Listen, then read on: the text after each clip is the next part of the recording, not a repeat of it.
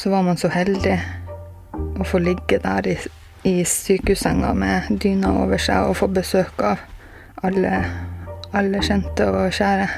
Få servert pizza som vi ville. Altså, vi Ja. Ja, det er sånn her Hvorfor var det jeg som fikk Hvorfor var det jeg som fikk overleve? Heidi er reddet. Hun ligger på sykehuset. Jeg, ty, altså, jeg tydde jo til alt opp på fjellet for å få Altså, jeg bedde jo til Gud. Gud, altså, hvem er han? Altså, han tror ikke jeg på i det hele tatt. Men man må nå bare prøve.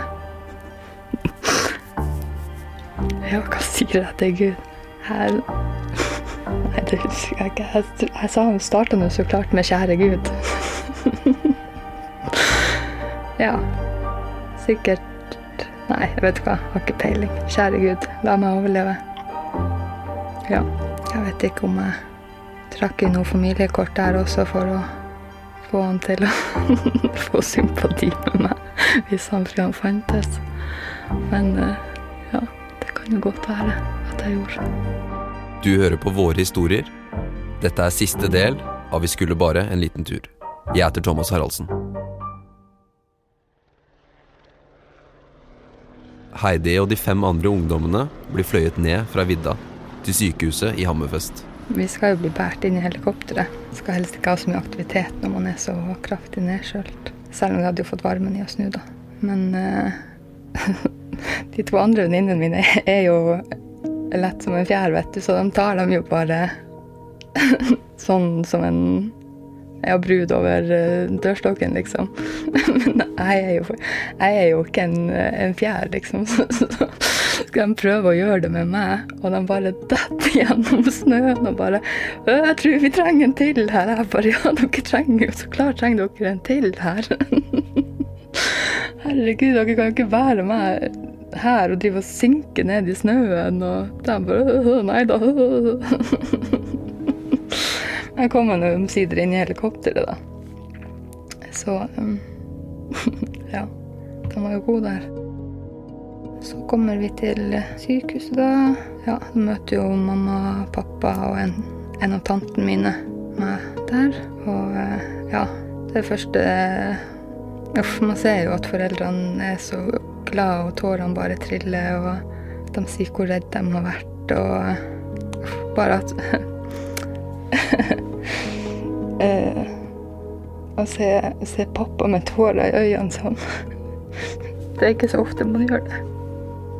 Så det var en veldig sterk opplevelse. Ja. Uff, herregud. Ja. Heidi blir tatt hånd om på sykehuset. Men HV-soldaten Nils er fremdeles ute og leter etter de to siste ungdommene som ennå ikke er funnet. Og da var vi kommet godt ut på natta. Og jeg forteller han hva jeg er blitt fortalt eh, av denne ungdommen. da, og og sier hva jeg mener, da, og antar at vi bør søke i den retninga i neste runde. Eh, folk var fryktelig slitne da. Eh, vi hadde jo sjøl gått hele dagen i forkant og hele natta vært ute. Og, så vi tar en, en pause, vi får oss litt mat og eh, reorganiserer oss der på stedet. Og så tar jeg med meg mine, mine to makkere Gjermund og Sven Erik, og så går vi i gang med et søk i retninga som eh, vi antar at de to andre har kjørt i. da. Og jeg husker jeg var utrolig fokusert eh, på eh, å se etter spor, da. For når det har blåst mye på, på, i et sånt vær, så blir det alltid blåst av, og du kan se spor som er satt i snøen. da. Letegruppa søker en stund. Det begynner å lysne. Det går mot dag. Ungdommene har vært borte i et døgn men de finner ingen spor i snøen etter de to siste, Stian og Mats, som kom bort fra de syv andre vennene sine oppe på vidda. Nils og makkerne kommer tilbake til operasjonssentralen. De har lyst til å kjøre et nytt søk, et litt lengre søk. Men nå er de bare tre. Og vi søker i en uh, liten uh, time da. Det begynner å lysne på, på morgenen der. Og, men uh, finner ikke noe i, i noen spor, da. Og så kommer vi tilbake til politiet der, og vi ble enige om å kjøre et nytt forsøk enn noe litt lengre, for jeg hadde ikke lyst til å gi opp den der. Jeg tenkte at det, det er mulig at her er noe. Vi kjører eh, ned mot skogen og leter ned i tregrensa, og det var veldig kupert og mye snø. Vanskelige forhold å kjøre i da, men vi søker rundt der, og, og eh, så kommer jeg da på over et eh, spor i snøen som jeg kjører etter et lite stykke, og så ser jeg ganske raskt at det her er et unormalt skuterspor. Fordi at det var eh, veldig mye sånn kaller det akselereringsspor. da. Det var mye, de hadde spunnet mye snø opp, og, og en scooter som tydeligvis har kjørt eh, unormalt, vinglete. Jeg forfølger det sporet et stykke da, og ser at eh, Får bekrefta mistankene mine om at de har vært fast et sted, og det er helt tydelig at det her er det her er ikke noen normal kjøring. Så jeg tar raskt og eh, returnerer tilbake til, eh, til eh, Magne, som var den lokale reinpolitiagenten, eller betjenten som var oppe der da, og styrte det. Og så blir jeg enig med han om at jeg kan forfølge det sporet videre og se om det er noe. Et normalt snøscooterspor er ganske jevnt tråkka med belte og skiene på scooteren. Sporet Nils har funnet nå, bærer preg av at noen har brukt gassen veldig ujevnt. Jeg tenkte ganske umiddelbart at uh, her har det sannsynligvis de uh, to vært. Så da begynte jeg, begynte jeg, å følge det sporet da, og det, det hadde vært mye snøvær i løpet av natta, men jeg mista det litt, men jeg fant det igjen, og etter hvert så, så kom det sporet ned, i, ned, fra fjellet og ned i, i skogen. da. Hadde fulgt en elvedal ned fra fjellet da, i, i bjørkeskogen. Og, og, det var steder der hvor, eh, hvor, jeg ikke kunne følge sporet fordi at uh, jeg følte at det var ikke forsvarlig å kjøre der. Så jeg måtte kjøre litt rundt for å komme inn på sporet igjen da. Og etter hvert som jeg fulgte det sporet nedover dalen, da, så, så ser jeg da en snøscooter som står halvveis opp imot en bjørk. da, At det krasjer inn i et tre. Hadde jeg kjørt etter det der sporet i tre-fire kilometer. Brukte vel kanskje et eh, kvarters tid på å følge sporet. da. Og når jeg bort, eh, kjører bort mot eh, scooteren, så ser jeg jo at det ligger en person ved siden av i snøen. Jeg går av og, og går bort, setter meg ned og, og begynner å undersøke da, og prøve å, å se om jeg kan finne noe puls. Personen Nils har funnet, er død.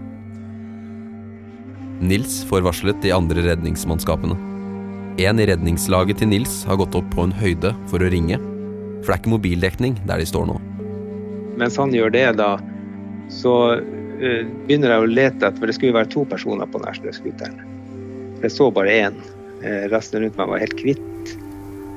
Men så ser jeg at det er et, uh, et sånn Kall det et segg i snøen, da. Bortover ifra denne scooteren. og mot en eh, stor stein som var, den lå en 20-30 eh, meter unna. Når jeg går da, så kjenner jeg at her er det hardt å gå, eh, selv om det var litt løs snø oppå. Mens på sida er det fryktelig myk snø. Man fikk snø helt opp til livet. Det var godt over en meter med løssnø. Men når jeg følger det der sporet, så var det hardt, og det er tydelig at noen som har gått mye da, i det sporet, da, frem og tilbake mot en stein. da. Og jeg går bort mot steinen og eh, ser at, eh, eh, at det er en sånn her Vind, vind, har blåst snøen vekk rundt steinen, sånn at du kan se ned. Det er en sånn meter ned. Og der nede så, så ser jeg biten av, et, av hud da, gjennom snøen. Da, som det er det eneste jeg ser. Så da hoppa jeg nedi der og fikk børsta av og, og, for å se om det kunne være liv der. For han lå tross alt i, i leda nedi der. Mens jeg holder på med det her, så kommer Sea King-helikopteret flygende over. Og jeg hopper opp og vinker til dem. Nils går tilbake for å se om det kan være liv i den andre personen han fant. Men han er også død. Og jeg forsøker å skal løfte han opp derifra sjøl, men jeg kjenner at det, det, klarer jeg ikke. Det blir for, det er for tungt og det er for høyt. Da. Så jeg går opp igjen, og så kommer redningsmannen ut fra Sea Kingen. Han vasser i snø bort til meg, og legen kommer like bak. Og i lag med redningsmannen så klarer da klarer vi da å løfte opp denne personen fra det der vindhullet da, opp på, på, kanten. Og legen kommer bort da, og de går i gang med, med undersøkelse av ham. da. Idet vi får han opp i, i, i, og fri for snø, så ser jeg jo at det her er jo en slektning av meg sjøl. Og da gikk jeg jo på en måte i, Fra å være redningsmann, så ble jeg jo også da eh, pårørende i det, i det samme. da. Nils har funnet Stian. Stian er i familie med Nils. Men Nils visste ikke at det var han de lette etter der oppe på fjellet. Og det var jo eh, litt spesielt. Da ble jo, eh, det gikk jo en del tanker gjennom hodet, men, men da hadde, vi, da hadde vi holdt på nå i, i, snart et døgn siden vi fikk utkalling, så kroppen var i en slags modus. Og det her gikk, gikk veldig greit. Altså, jeg håndterte det fint. Og jeg ble der i lag med, med de ungdommene som var omkommet til vi fikk organisert transport ned fra fra fjellet da, med, med andre snøscootere og sledeler Liksom. Heidi ligger på sykehuset når de to vennene, Mats og Stian, blir funnet omkommet. Den tredje som døde på fjellet, var Andreas, som ble funnet på samme sted som Heidi. Men Heidi vet ikke at han er død. Ennå. Så kommer jo eh, legen på Sea inn til meg etter hvert, og så fordi at i helikopteret så var ikke han Andreas da heller. Da spurte jeg om han spurte etter han igjen. Da sa de bare sånn ja, han ble kjørt ned med scooter. Man vet jo ikke når man er 17 år. Jeg tenker ikke at det ga tenkte at det var noe rart. Er ikke det plass i helikopteret til han liksom. Nei vel, da var sikkert han i mye bedre stand enn vi, eller jeg visste nå ikke. Men da kommer han inn til meg også, eller hun legen, da, på, på helikopteret inn og sier sånn at uh, han er dessverre uh, død. Andreas var en av Heidis beste venner. Når hun hører at han er død, og at de ennå ikke har funnet Stian og Mats, blir hun redd. Klart at man skjønner jo Da skjønte jeg jo liksom hva man har vært igjennom, og de hadde ennå ikke funnet Stian og Mats. Da tenkte jeg bare de går ikke an. Hvis de ikke har funnet en hytte, så går ikke det an at de enda er i live. Men man har jo håp opp uansett. Og så eh, ja, ligger under på intensiv, og der ligger vi ganske Jeg vet ikke hvor lenge vi ligger der oppe. Men vi ligger på rekke og rad i hvert fall, alle sammen. Så eh, vi var jo på hyttetur med ei til. Men hun var så sliten etter festen vi hadde hatt dagen i forveien, så hun dro hjem mye tidligere enn oss andre og la seg. Hun er, kjæresten til Mats. Så måten vi får vite at uh, Ikke vi, men jeg skjønte det, da. At de var funnet i At de var funnet. Det var at hun får en telefon. Da er sitter hun hos noen andre tre senger bortfor, eller noe sånt. Så tar hun den telefonen. Og så roper hun bare nei. Hun skriker og springer ut av intensiven. Da skjønte jeg bare at det der gikk, det der gikk ikke. Så begynner jeg å skrike, da. Så gråter jeg. Så sier han som ligger attmed meg, hva det var som skjedde nå. Jeg bare Nei.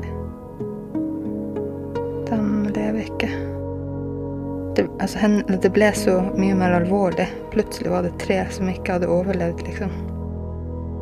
Her forlater vi Heidi og historien hennes, og hvordan hun opplevde timene og døgnet der oppe på vidda. Hun har valgt å utdanne seg som ambulansearbeider, og jobber i dag i ambulanseavdelingen i Oslo. Sånn avslutter Heidi historien til oss. Det er et veldig fint yrke, fordi ja, å hjelpe andre, det er når, man, når de trenger det det vet jeg at det setter man ganske stor pris på. Veldig stor pris på, så klart. Så det var nok litt sånn utløsende årsak for det valget, da. Det, ja, yrkesvalget. Det er prega av Ja, altså på en måte mye positivt sånn i ettertid, da. Med måten at jeg har tenkt at eh, jeg kan bare dø i morgen, fordi at det kan skje med hvem som helst.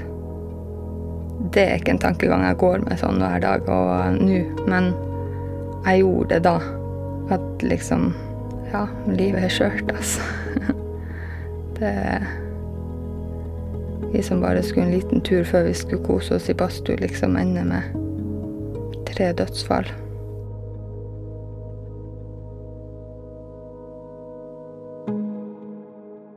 Nils og de andre HV-soldatene som deltok i redningsaksjonen, deltar i debrifer i etterkant. Ja, det er, når, det, når en sånn her aksjon er over, så er det, er det et vakuum. Og, og, for min del så, så kom jo eh, sorgreaksjonen eh, når jeg kom hjem. Da, da kom liksom eh, gråten og, og, og, den fortvilelsen, da. Eh, men eh, så, så, skjer det jo mye i etterkant da, med debrifer, man samles, de som har vært med, og man prater gjennom det. og på en måte får ting ut av, ut av systemet. Da. Og det, det, går helt fint. Om man kan si at man blir vant til det, det tror jeg ikke. Man skal være mye borti det for å bli vant til sånne ting. Men det er et eller annet med å akseptere at uh, det her er ikke noe eh, du kunne gjort annerledes. Og, og akseptere at uh, tilstanden er som den er. Og da er det faktisk greit, syns jeg, å, å, bearbeide det. Selv om det er tungt i ettertid å miste et familiemedlem. Og, og, sånn, og, sorgen er jo der, og den prosessen man går igjennom. Men, eh, men eh, det bærer ikke noe, noe men av det.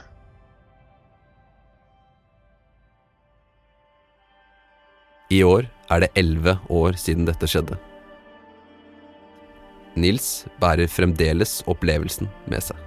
Og det var jo sånn de første fire, fem, seks årene etterpå, hver gang jeg passerer stedet i Billefjord hvor vi kom ned med de to siste, så, så tenker jeg på hendelsen. Og jeg kjører ofte der. Eh, nå har det avtatt. Nå er det borte. Eh, men det, det, er en sånn naturlig ting, liksom. Tankene kommer tilbake da, og jeg har ennå ikke vært på fjellet på det stedet der hvor jeg fant de to siste da, eh, etterpå, da. Eh, om det er ubevisst eh, kroppen min som ikke har lyst til å dra dit, det er ikke godt å si, men, eh, men ja, det er et fint sted, da. En av perlene i Porsanger.